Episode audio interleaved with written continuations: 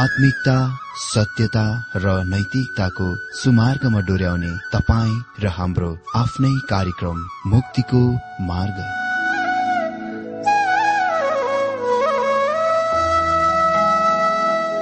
आदरणीय श्रोता यस मुक्तिको मार्ग कार्यक्रममा हार्दिक स्वागत छ। आशा छ यस आत्मिक कार्यक्रमद्वारा जीवनमा आत्मिक आशिष अलौकिक शान्ति र आनन्द प्राप्त गर्नुहुनेछ। र जीवनमा धन्य अनुभव गर्नुहुनेछ। आउनुहोस् श्रोता। मन र आत्माको तयारीको लागि यो मिठो अनि मधुर भजन गीत सुनौ।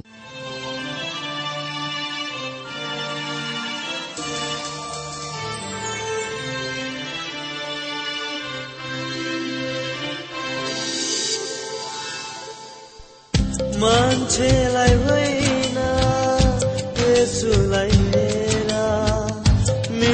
मृत्यु नपर्ख मुकुटलाई हेरा झिन मसिना कुरामा नल्झ ख्रिसको महिमा गर्न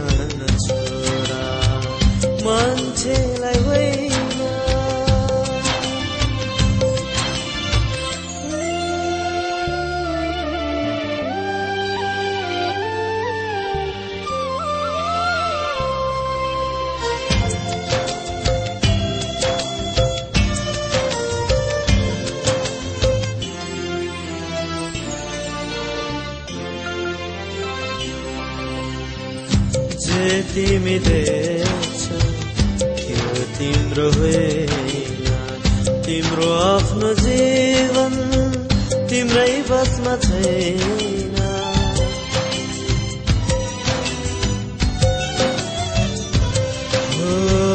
जे तिमी देख्छौ त्यो तिम्रो होइन।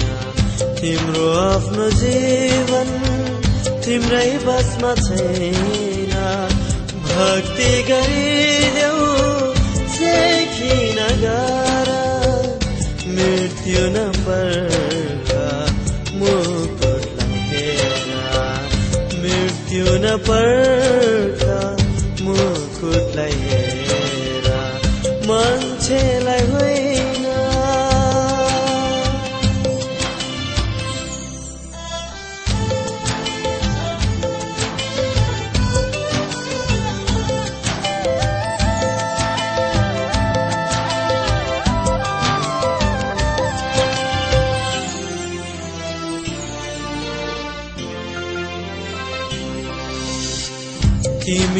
सुनेको झुटो हुन सक्छ। तिम्रो बोली अरूलाई छुरा बन्न सक्छ।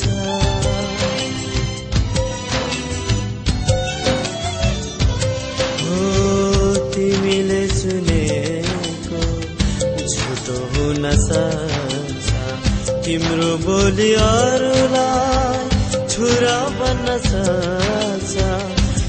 छोटो यो जीवन बचल्दै सिङ्गार मृत्यु न पर्ख मुकुटलाई हेर। मृत्यु न पर्ख मुकुटलाई हेर। मान्छेलाई होइन यसुलाई हेर। मृत्यु न पर्ख मुकुटलाई झिन मसिना कुरामा नल्झ ख्रिसको महिमा गर्न छोरा मान्छेलाई होइन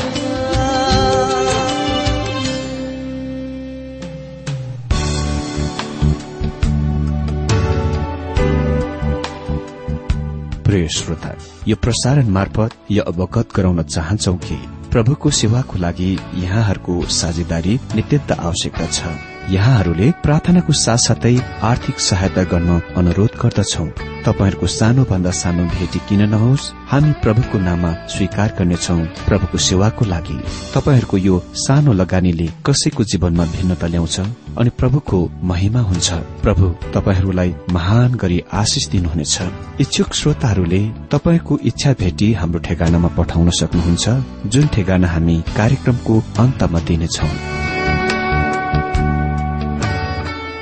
प्रिय श्रोता मित्र यसो प्रभुको नाममा मेरो जयमसी तथा हार्दिक स्वागत छ आजको यो कार्यक्रममा। मित्र अघिल्लो दिनमा हामीले यस उपविषय आधुनिक सत्य विश्वास त्यागी शिक्षकहरूका जान पहिचान वा चिनारीबाट यहुदा एक अध्यय सात र आठ पदबाट अध्ययन गरिरहेका थियौं। आज हामी यही विषयलाई जारी राख्दै अगाडि बढ्नेछौ र आज हामी यहुदा एक अध्यय नौदेखि एघार पदबाट बाइबल अध्ययन गर्नेछौ। तर आजको यो बाइबल अध्ययनमा प्रवेश गर्नभन्दा पहिले अघिल्लो दिनमा हेरिसकेको पदलाई म पाठ गरिदिन्छु।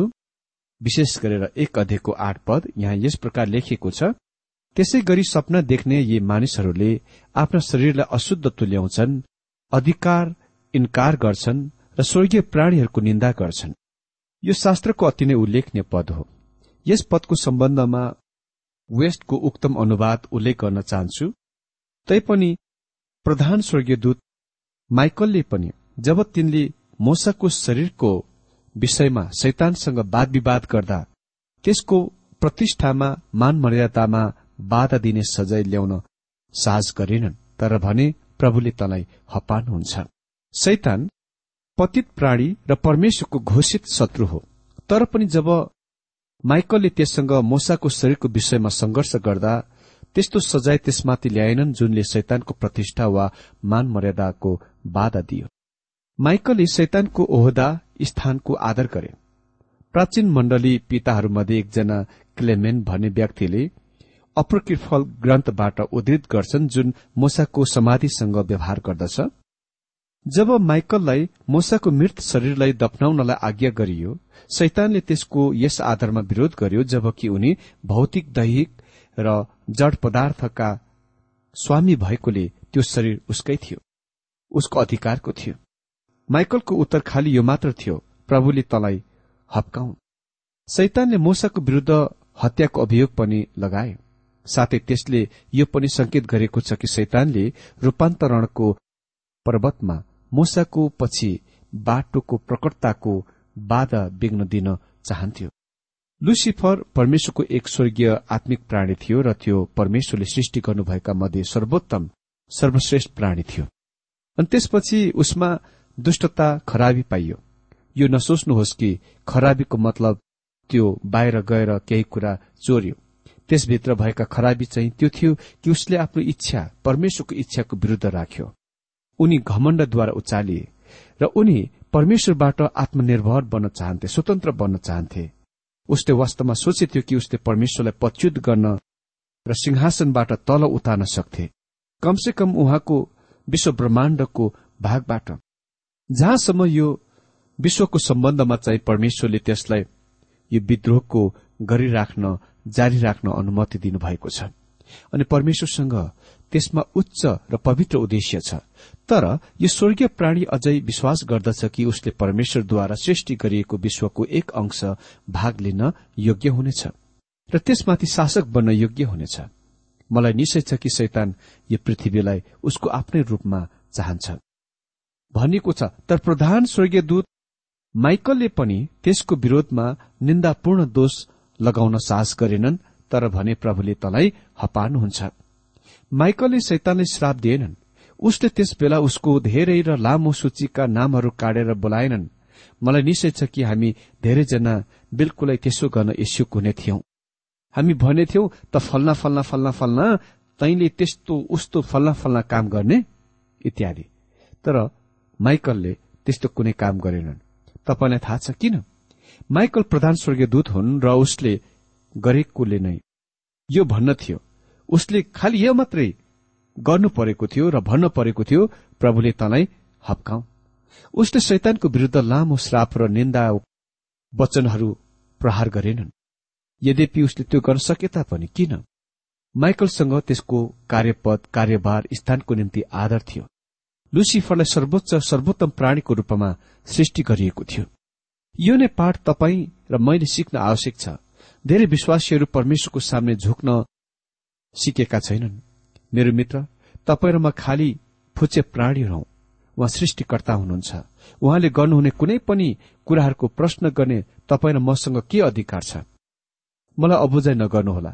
यदि तपाईँ सोच्नुहुन्छ मेरो बाटामा आउने वा म कहाँ आउने हरेक कुराको भक्तिपूर्णको साथ सिधै ग्रहण गर्नेछु तब तपाईँ गलत सोचिरहनु भएको छ।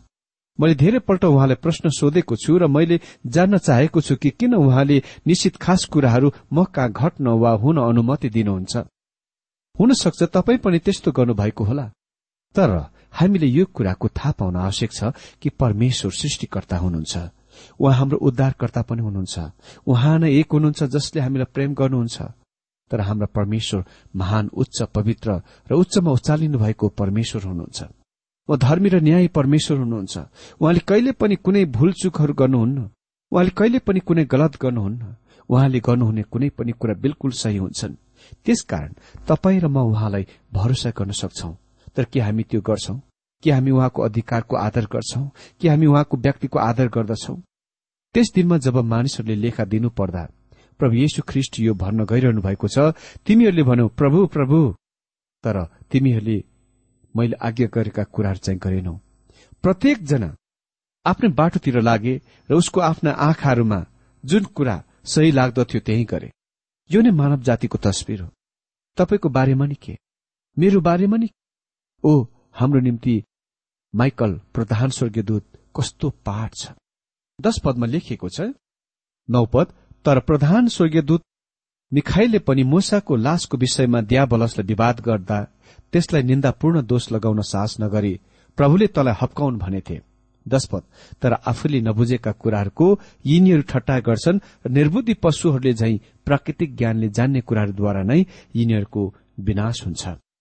तर यिनीहरू त जुन कुराहरूको विषयमा केही जान्दैनन् ती कुराहरूलाई निन्दा गर्दछन्। तर विवेकहीन पशुहरूले झै जे कुराहरू स्वाभाविक हिसाबले जान्दछन् ती कुराहरूमा तिनीहरू आफूलाई भ्रष्ट पार्दछन्। यहुदाले यहाँ दुई अलग अलग बेग्ला बेग्लै शब्दहरूको प्रयोग गर्छन्। जुन दुवैको यो शब्द जाँदछन् जुन दुवैको यो शब्द जाँदछन्मा अनुवाद गरिएको छ। खाली फरक चाहिँ यति मात्र छ कि एउटा चाहिँ नकारात्मक र अर्को चाहिँ सकारात्मक शब्दमा अनुवाद गरिएको छ। मित्र यसको थाहा नपाइकन यहाँ यहुदाको वास्तविक तात्पर्य के हो सो कुराको तय गर्न कठिन कुरा छ। पहिलो जान्दछन्। ग्रीकमा हो इउडो जुनले मानसिक बोध वा ज्ञानको बताउँछ जुनले सम्पूर्ण अदृश्य कुराहरूको विस्तार संकेत गर्दछ। यसरी भिन्सेट यसको परिभाषित गर्दछन्। मित्र ज्ञान कुनै त्यस्तो सीमित कुरा होइन जुनलाई तपाईँ परीक्षण गर्ने सिसा वा टेस्ट ट्युबमा खन्याउन र माइक्रोस्कोपद्वारा मुनि हेर्न सक्नुहुन्न। यद्यपि धेरै मानिसहरू त्यसरी नै सोचे तापनि जीवनका उक्तम कुराहरू तिनै कुराहरू हुन् तपाईँ माइक्रोस्कोप वा सूक्ष्म दर्शक यन्त्र मुनि राखेर हेर्न सक्नुहुन्न। तपाईँ तिनीहरूलाई टेस्ट ट्युब वा परीक्षण गर्ने सिसाको नलीमा खन्याउन सक्नुहुन्न। त्यसको मात्र हेर्नलाई। उदाहरणको निम्ति संगीतको अद्भुत टुक्रा पीसको बारेमा नि के यदि तपाईँले त्यसलाई टेस्ट ट्युबमा परीक्षण गर्ने सिसाको नलीमा हाल्न र त्यसलाई माइक्रोस्कोप वा सूक्ष्म दर्शक यन्त्र मुनि राखेर हेर्न कोसिस गर्नुहुन्छ भने के हुन्छ? संगीतलाई आवाजमा रूपान्तरण गर्न आवश्यक छ र कानले त्यसको सुन्न आवश्यक छ। तपाईँ त्यसलाई कति पनि देख्न सक्नुहुन्न। त्यो वास्तवमा अदृश्य छ। प्रेम पनि अदृश्य छ। तपाईँ प्रेमलाई सूक्ष्म दर्शक यन्त्र मुनि राखेर त्यसको मात्र हेर्न सक्नुहुन्न। अनि विश्वासको बारेमा नि के तपाईँ त्यसलाई पनि सूक्ष्म दर्शक यन्त्र मुनि राख्न सक्नुहुन्न। मेरो मित्र त्यहाँ धेरै त्यस्ता कुराहरू छन् जुनको म जान्दछु र म तिनीहरूलाई प्रयोगशालाबाट कुनै प्रमाण बेगर जान्दछु। म तिनीहरूलाई जान्दछु किनभने मैले तिनीहरूको अनुभव गरेको छु। पवित्र आत्माले तिनीहरूलाई मेरो आफ्नै हृदयमा सत्य वास्तविक बनाइदिनु भएको छ। तर यिनीहरू त जुन कुराहरूको विषयमा केही जान्दै नजानेका। लिबरल प्रचारकहरू विचार गर्दछन् कि यो भन्नमा तिनीहरू प्रभावशाली बुद्धिमान ज्ञानी छन् कि तिनीहरू कति पनि पुनरुत्थानमा विश्वास गर्दैनन्? म तपाईँलाई भनौँ त्यहाँ धेरै त्यस्ता कुराहरू छन् तिनीहरू जान्दैनन्। अनि जान्दछन्को लागि दोस्रो शब्द हो जुन यहुदा यहाँ ग्रिकमा प्रयोग गर्दछन् इफिस्टामाया जुनको अर्थ बुझ्नु। भिन्सेन्टले भन्छन् यसको मौलिक रूपले हस्तशिल्पमा दक्षता वा शैल कौशल्यको रूपमा प्रयोग गरिएको छ। अनि त्यसले स्पर्श गोचर चिजहरूका शारीरिक इन्द्रिय अदृश्य वस्तुहरू शारीरिक आनन्द सुखभोगका अवस्थाको संकेत गर्दछ। यी कुरालाई तपाईँ परीक्षण गर्ने नली वा टेस्ट ट्युबमा हाल्न सक्नुहुन्छ। यी मानिसहरूले जुन कुराको पकडछन् र जुन कुराको देख्न सक्छन् खालि त्यसको मात्र जान्दछन्। तिनीहरू पशुहरू जस्तै छन् किनभने त्यसो त पशुले खालि घाँस पराल र दाना पानी र पशुहरूले खाने अरू कुराहरू मात्र जान्दछन्। यसले त्यस कुराको संकेत गर्दछ जुनको तिनीहरू स्वाभाविक प्रकृति वा अन्तर्ज्ञानद्वारा जान्दछन्। उदाहरणको निम्ति क्यानाडामा हाँसहरूले अति नै आरामदायक रूपमा अति नै मजाले गर्मीको समय मौसम त्यहाँ बिताउँछन् तर जब अति नै कठाङ्ग्रिने हिउँद जाडो याम लाग्न शुरू हुन्छ तिनीहरू त्यहाँबाट अर्कोतिर न्यानो जग्गातिर उडी गइहाल्छन् कसैले भन्दा तिनीहरू त अति नै चलाक चतुर र बुद्धिमान छन्।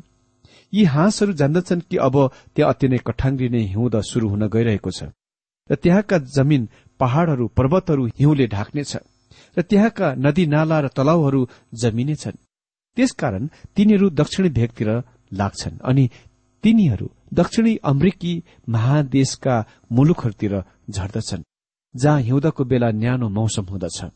र तिनीहरूका आवश्यक तलाउहरू त्यहाँ उपलब्ध हुन्छन्। तिनीहरू वास्तवमा अति नै धेरै चलाक चतुर हुन्। तर मित्र तिनीहरू चतुर चलाक बुद्धिमान होइनन्।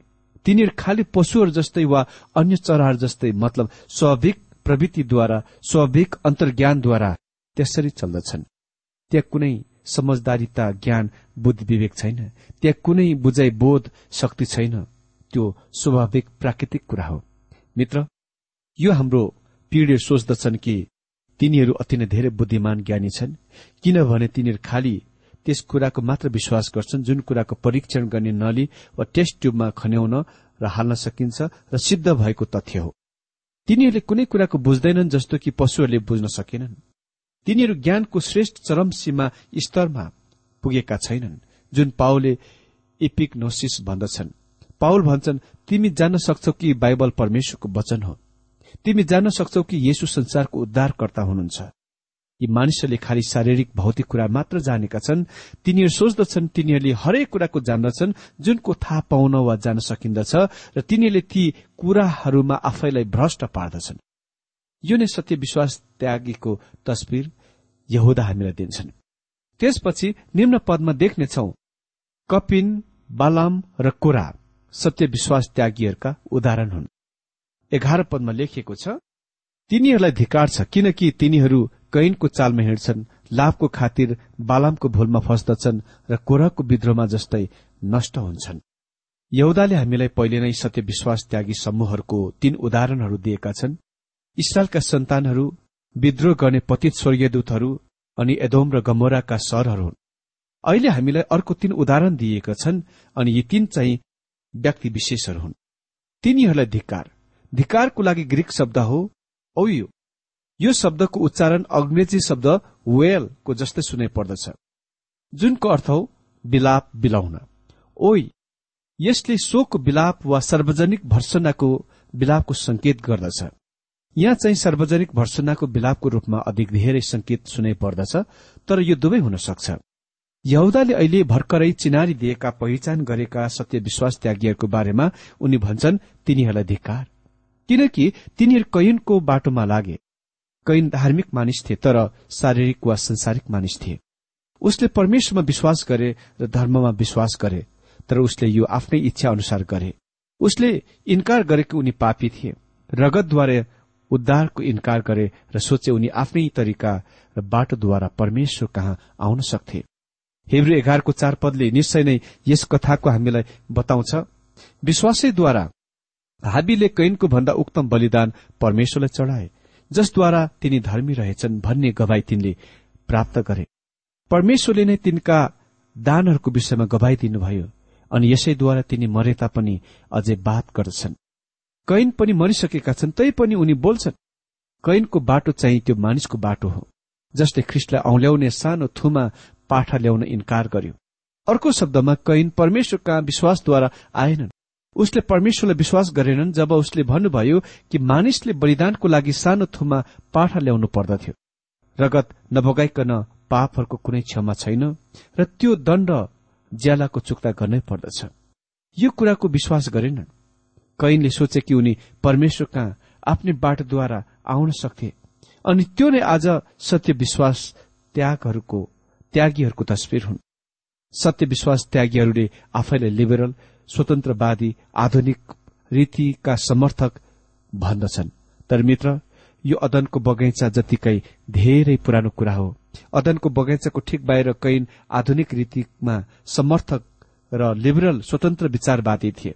उसले परमेश्वरमा र धर्म विश्वास गर्थे तर त्यो उसले आफ्नै बाटोमा तरिकामा गरे।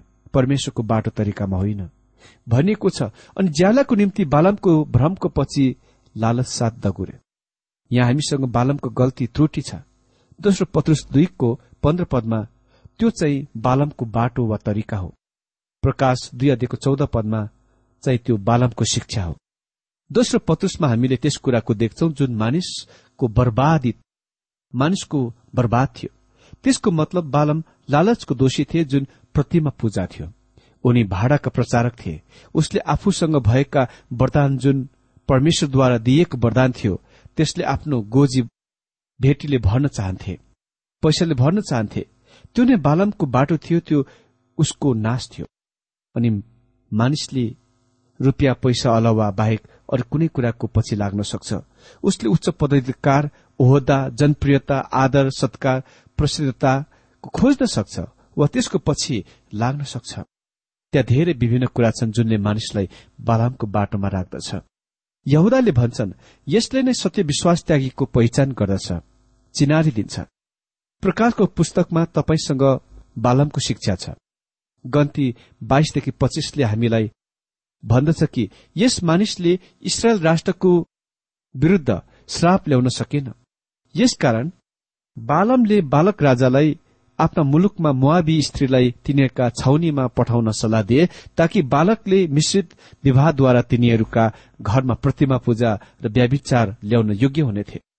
तपाईँ एउटा कुरामा निश्चय हुन सक्नुहुन्छ उत्पत्तिदेखि प्रकाशको पुस्तकसम्म परमेश्वरले विश्वासीहरू र अधिकारीहरू अविश्वासीहरू बीचको अन्तर विवाहको विरूद्धमा बिल्कुल चेतावनी दिनुहुन्छ र सक्त मनाई गर्नुहुन्छ।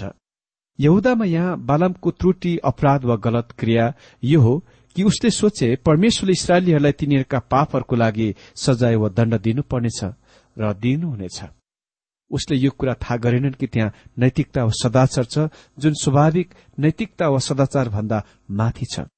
उसले सोचे धार्मिक परमेश्वरले इसरायललाई श्राप्नु पर्ने थियो।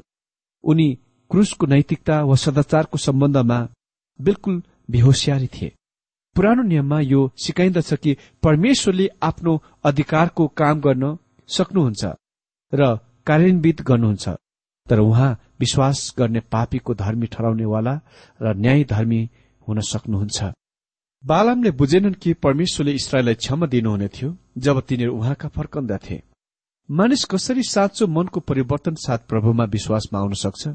सो कुरा कहिलेकाहीँ कसै कसैको लागि बुझ्न कठिन छ। उदाहरणको निम्ति मेरो आफ्नै जीवनमा म हेर्छु जब मैले ख्रिस्टलाई पाएँ र उहाँको सेवाको निम्ति अध्ययन गर्न कलेज जाने इच्छा राखे। धेरै मेरा साथीहरूले बुझ्न सकेनन् कि कसरी म सेविकैको लागि अध्ययन गर्न सक्थे। किनकि तिनीहरूले मेरो व्यक्तिगत जीवनको बारेमा धेरै कुरा जान्दथे। तिनीहरू जान्दथे कि म अति नै खत्तम व्यक्ति थिएँ र पापमा लिप्त व्यक्ति थिएँ। तिनीहरूले बुझ्न सकेनन् कि परमेश्वरले मलाई क्षमा दिनुभएको थियो र अहिले मसँग नयाँ जीवन पाएको थिएँ। तिनीहरूले त्यो कति पनि विश्वास गरेनन्।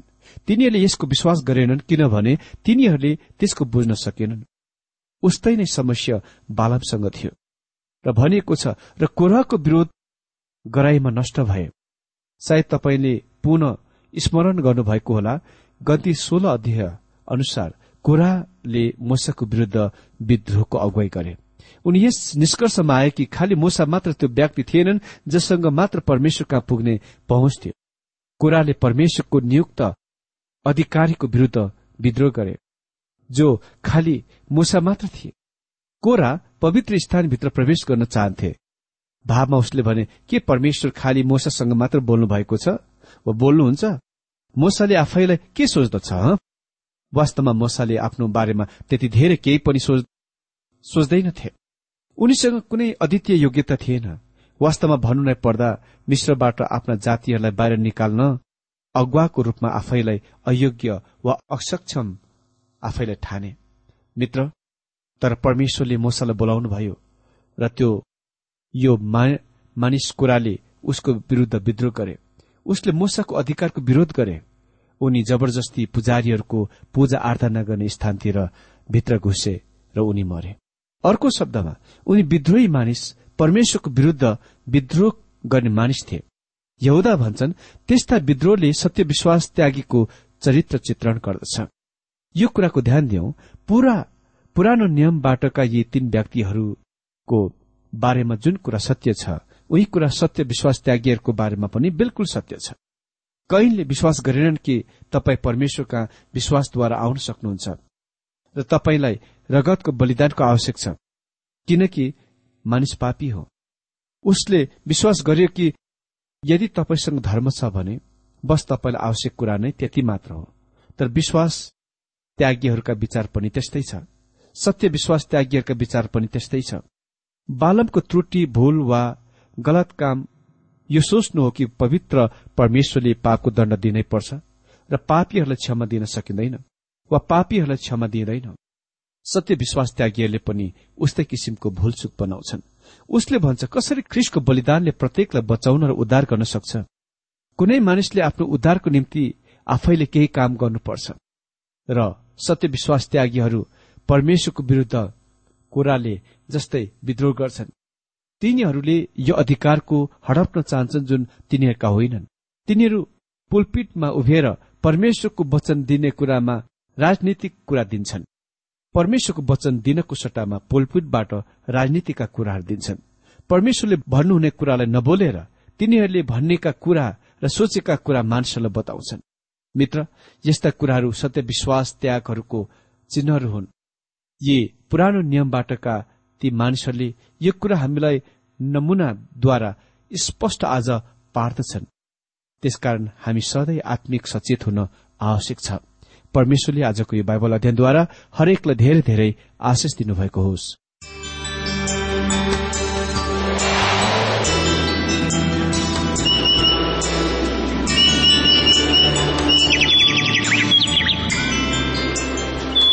प्रिय श्रोता अहिले भर्खरै तपाईँले टीडब्ल्यूआर नेपालद्वारा संचालित आत्मिक कार्यक्रम मुक्तिको मार्ग सुनिरहनु भएको थियो। श्रोता आजको यो कार्यक्रम सुनेर तपाईँलाई कस्तो लाग्यो? यदि यो कार्यक्रम सुनेर मनमा कुनै खुल्दुली वा कुनै प्रतिक्रिया अर्थात सुझावहरू छन् भने हामीलाई पत्रद्वारा लेख्न सक्नुहुनेछ।